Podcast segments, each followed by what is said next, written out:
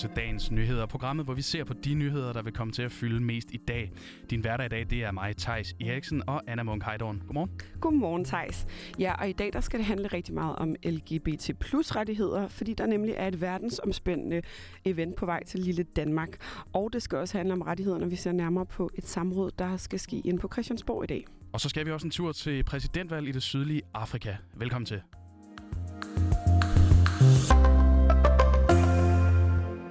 Og Thijs, vi begynder jo med noget rigtig festligt og dejligt. Det er altid dejligt. Det er det nemlig især efter god gamle corona, øhm, fordi i dag der begynder en kæmpe 10 dage lang fest, som bliver skudt i gang både i København og i Malmø, fordi vi er, og de er i år vært for World Pride. Og det er en stor verdensomspændende Pride, som holdes hvert andet år.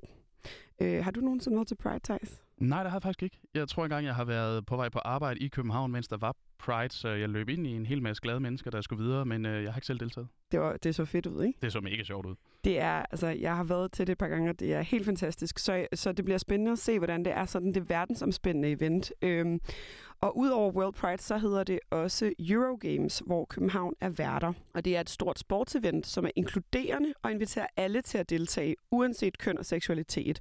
Så der kan det jo være, at dine sportsevner kunne blive sat på en test, Thijs. Øh, det, det er meget nemt at teste dem, så, så, så det, vil, øh, det vil ikke kun være der. Det, det kan testes langt de fleste steder, også i børnehaven. Ved du hvad? Du bliver bare her på redaktionen hos os, skal vi ikke sige det? Lad os sige øhm, det. Det samlede arrangement med World Pride og Eurogames er også noget, som Susanne Brander Jespersen ser frem til. Hun er sekretariatchef i LGBT plus Danmark. Det er da kæmpestort. Det er første gang, det er i Danmark. Det er jo noget, der er blevet forberedt i, i flere år. Det er, jo så, det er jo ikke os, der står bag det, men altså det, det skaber der en kæmpe spillover-effekt af, at man kan få løftet sine politiske mærkesager, og det, øh, altså, der er jo, det er jo forberedt så grundigt, at alle øh, i, altså i Danmark er blevet involveret og ved, at det her øh, er et momentum i forhold til at få bragt nogle af de dagsordner frem, som vi gerne vil have for mere bevågenhed. Og Susanne er særlig glad for, at World Pride'en også har gjort det lettere at invitere udlandske gæster og samarbejdspartnere, for det er ikke altid helt nemt, når der er tale om en dansk Pride. Og det mener hun altså er vigtigt, for der er meget at kæmpe for ude i verden. Der er 72 lande i verden, hvor det er kriminaliseret at være homoseksuel bare. Altså hvor du kan få op til 30 års fængsel eller, eller dødsdom for det. Så på den måde er der jo øh, altså virkelig meget at kæmpe for på global plan. Det er jo som bekendt heldigvis ikke ulovligt at være homoseksuel i Danmark. Øh, vi afskaffede faktisk homoseksualitet allerede i 1933, men der er stadig meget at kæmpe for for LGBT plus personer, mener Susanne Brander Jespersen. Så det kan godt være, at vi altså, strengt taget juridisk lovgivningsmæssigt er nået rigtig langt. Det er vi jo, undtagen på området for øh, kønsskifte og regnbuefamilier. Men trivselstallene taler bare et ret tydeligt andet sprog. Altså for eksempel, at 53 procent Øh, elever i grundskolen med en LGBT plus de selvskader. Så jeg synes, rettigheder er ligesom en snak, men, men accept og rummelighed og trygge fællesskaber, det er en anden snak, og der synes jeg faktisk, at vi er langt fra at være i mål. Og hvis du vil være med i festlighederne og også med til at bakke op om LGBT plus miljøet, så begynder World Pride i dag med en åbningsparade i Malmø, mens der er masser af events både i København og Malmø. Og det er der altså frem til den 22. august, mens den helt store Pride March, hele klimakset for Pride'en, den finder sted næste lørdag i København, hvor der også er en afslutningsceremoni. Og så er det altså blevet tid til, at vi skal en tur til Christiansborg, fordi det skal altså handle om et samråd i Folketinget. For Sikander Siddiq, der er formand for Frie Grønne, han har så stillet spørgsmål til justitsminister Nick Hækkerup om hadforbrydelser og diskrimination. Så de kan nemlig gerne have ministeren til at redegøre for, hvad regeringen vil gøre for at bekæmpe racisme, had og diskrimination. For at høre, øh, hvad regeringen vil gøre for at bekæmpe det her, om regeringen mener, at de selv bærer et ansvar for at gøde jorden øh, og gøre tonen så øh, racistisk, at det bliver legitimeret ude i samfundet, og det dermed fører til diskrimination og i sidste ende hadforbrydelser. Altså så mener Sikander Siddiq, at regeringen, Socialdemokrater og andre politikere er med til at puste til racismen. Og han nævner altså blandt andet det her, som Nick Hækkerup sagde under et samråd om emnet tilbage i foråret. Jeg tror på, at vi skal have en hvid ramme for vores ytringsfrihed. Jeg tror grundlæggende på, at det at kunne diskutere ting er et af de elementer, som skal med, for at man kan sikre at vi har et samfund, som er velfungerende, ikke bare på ytringsfriheden, men også som, om man så må sige, ventil i forhold til, at der ellers kan bygge sig holdninger op eller øh, situationer op, som fører til kriminalitet. Men det her det er altså ikke det eneste eksempel, som Sikander Siddiq har fundet. Vi har diverse udtalelser fra politikere, der sammenligner tørklædet med hagekorset, kalder muslimer for kraftceller, politiske landsmøder, hvor at øh, medlemmer fra partier siger, at muslimer de stjæler, voldtager og plyndrer osv. osv. Altså vi har sågar politikere i Danmark, der er dømt for fortrædelse af racismeparagrafen. Der er masser og masser af eksempler derude. Hvad tænker du, Anna? Er politikerne med deres retorik med til at øge racismen og hadforbrydelserne? Ja, altså nogle af de grælde eksempler, øh, som, som Sikander Siddiq kommer med her, er, synes jeg, indlysende selvfølgelig øh, voldsomt grænseoverskridende, men jeg så faktisk engang en meget, meget spændende dokumentar på DR, der handlede om, øh, hvordan retorikken omkring øh, indvandring har ændret sig fra 70'erne til nu, hvor man kunne se, at dengang i 60'erne og 70'erne blev det kaldt gæstearbejder, fordi ja. vi manglede deres arbejdskraft.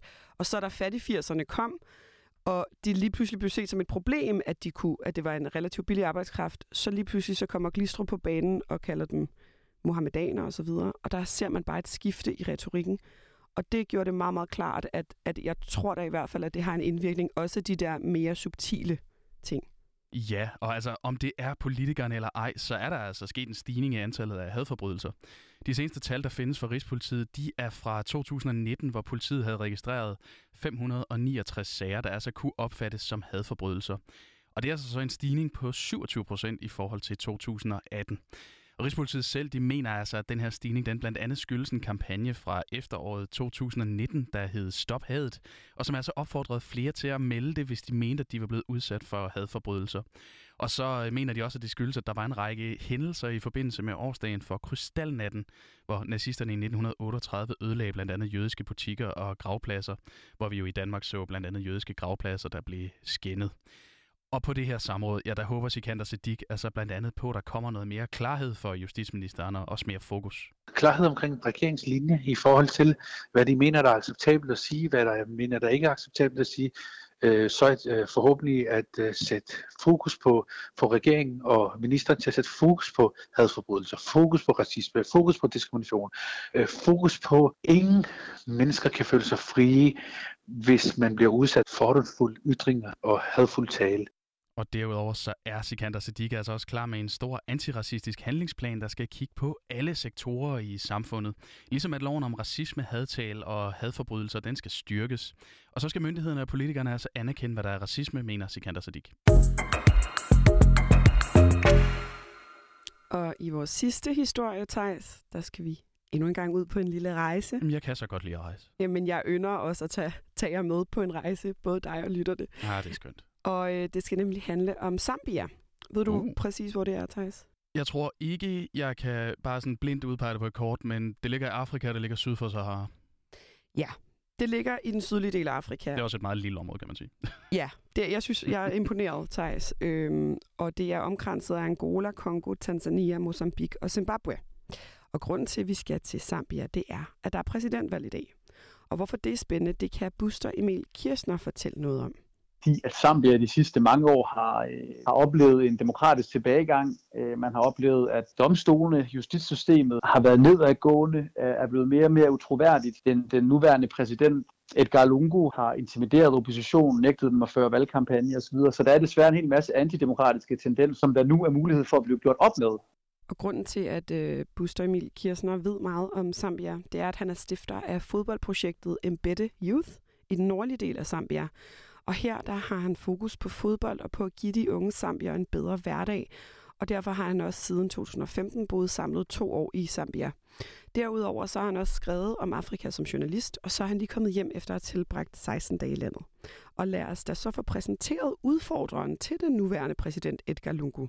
Haikande Hichilima, eller HH, som han bare kaldes. Han er en øh, succesfuld forretningsmand, først og fremmest, som tjente en hel masse penge på øh, privatiseringen af, af minerne i Zambia i, tilbage i 1991, da Zambia gik fra 27 år og har haft øh, Ken Kaunda som præsident til at blive en øh, flerpartistat, og er en mand, som, som egentlig generelt er øh, koblet sammen med, med eliten. Øh, den her øh, ret store elite, trods alt i landet, som, som kører rundt i store biler og benytter sig af de her indkøbscentre. Og, og det har han så i, i de seneste år forsøgt at gøre lidt op med, begyndt at gå lidt mere i jeans og henvende sig lidt mere til, til den yngre målgruppe. Og lad os øh, holde fast i at kalde oppositionslederen for HH, øh, for både min og alles skyld. Øh, det er altså 6. gang, at HH forsøger at blive præsident i landet. Det er generelt gået frem hver gang, og ved det seneste valg i 16, der var det få stemmer, der sikrede Lungo præsidentposten foran HH. Men hvem er så et Edgar Lungo? Han blev altså præsident ved et særvalg i 2015, da den tidligere præsident døde i slutningen af 2014. Og siden så vandt han også sin første hele valgperiode ved valget i 2016. De sidste fem år har simpelthen været, øh, jeg kan da godt tillade mig på ordet katastrofalt. Økonomien er blevet ekstremt forværret. Øh, Lungo han arvede en, en gæld, ekstern gæld til udlandet på 1,9 milliarder, og den er blevet forværret til, til svimlende 12 milliarder dollars. Øh, så, så så det er økonomien, der er det helt centrale, hvis man skal nævne et, øh, et nøgleord. Og for at rette op på den føromtalte dårlige økonomi, så lover Lungo en masse forskellige ting, blandt andet mere uddannelse og selvfølgelig olie. Derudover mener regeringen, at den har skabt en masse udvikling, blandt andet ved at forbedre infrastrukturen i form af nye veje og en helt ny lufthavn. Men det er dog alt sammen betalt af Kina, og det er også byggeriet, der har skabt den store gæld til netop Kina. Oppositionen med HH i spidsen taler i stedet om at øge væksten og sikre nye arbejdspladser, ligesom han har et stort fokus på unge mennesker, som han vil give en stemme. De unge er arbejdsløse. Det er sådan, at øh, op mod 42 procent af den samiske ungdom er enten arbejdsløse eller ikke i færd med at tage en uddannelse. En del af den uformelle sektor, eller simpelthen bare stadigvæk forsørges af, af forældrene. Man sådan skal være lidt kritisk på oppositionslederens vegne. Han står selvfølgelig i en ret nem position hvor han, hvor han kan tillade sig at, at skyde mod, øh, mod et Galungo og sige, jeg gjorde det forkert, jeg gjorde det forkert, jeg gjorde det forkert. Øh, så hvad han egentlig kan bringe HH, jamen det, det er det helt store spørgsmål. Der kan altså komme til at gå flere dage nu, før alle stemmer er talt op, og der kan udnævnes en vinder. Men Buster Emil Kirsner forventer dog, at diskussionen vil fortsætte alligevel, hvis det ender med en sejr til præsidenten. Så er der mange, der vil sige, at det er valgfusk. Så vil man opleve, at øh, oppositionen i hvert fald er meget svært ved at anerkende nederlaget. Måske endda øh, flere til, at der skal være genvalg. Og man vil nok også opleve, øh, at der kommer en hel masse uroligheder i gaderne. Allerede nu er militæret blevet hørt ind til at opretholde ro og orden i gaderne, øh, hvilket er meget usædvanligt i et land som Zambia, som ikke har tradition for væbnet konflikt. Og så kan vi lige nå, hvis vi skynder os, dagens avisforsider. Jeg har kigget på Dagbladet Information, som altså fortsætter klimadækningen efter den her store klimarapport fra FN mandag. Og avisen kan i dag fortælle, at sommerens brænde udleder lige så meget CO2 som Australien, Kanada, Brasilien, Frankrig og Storbritannien på et helt år. Dermed så bidrager de her massive skovbrænde i Nordamerika, Sydeuropa og Sibirien altså ret mærkbart til drivhuseffekten og til den globale opvarmning, og dermed i sig selv kan de også øge risikoen for flere og måske større brænde de næste år i et endnu varmere og mere tørt klima. Og jeg har set på Jyllandsposten, her der skriver man, at øh, flere partier varsler et opgør med testtelte og selvfølgelig også coronaens særstatus. Det er enhedslisten og flere borgerlige partier, der erklærer sig klar til at fjerne covid-19 særstatus som en samfundskritisk sygdom. Derudover så vil partierne fratage regeringen den særlige magtbeføjelse, ligesom vi skal stoppe med at masseteste for corona. Og Peter Velblom, der er sundhedsordfører for enhedslisten, siger til avisen, at medmindre der kommer en ny variant af corona, så bør epidemiloven deaktiveres i løbet af efteråret og senest til nytår. Og med det, så nåede vi altså inde på den her udgave af Dagens Nyheder. Den var tilrettelagt af Tobias Egaard og dine værter. Det har været mig, Thijs Eriksen og Anna Munk Heidorn. Tak fordi du lyttede med.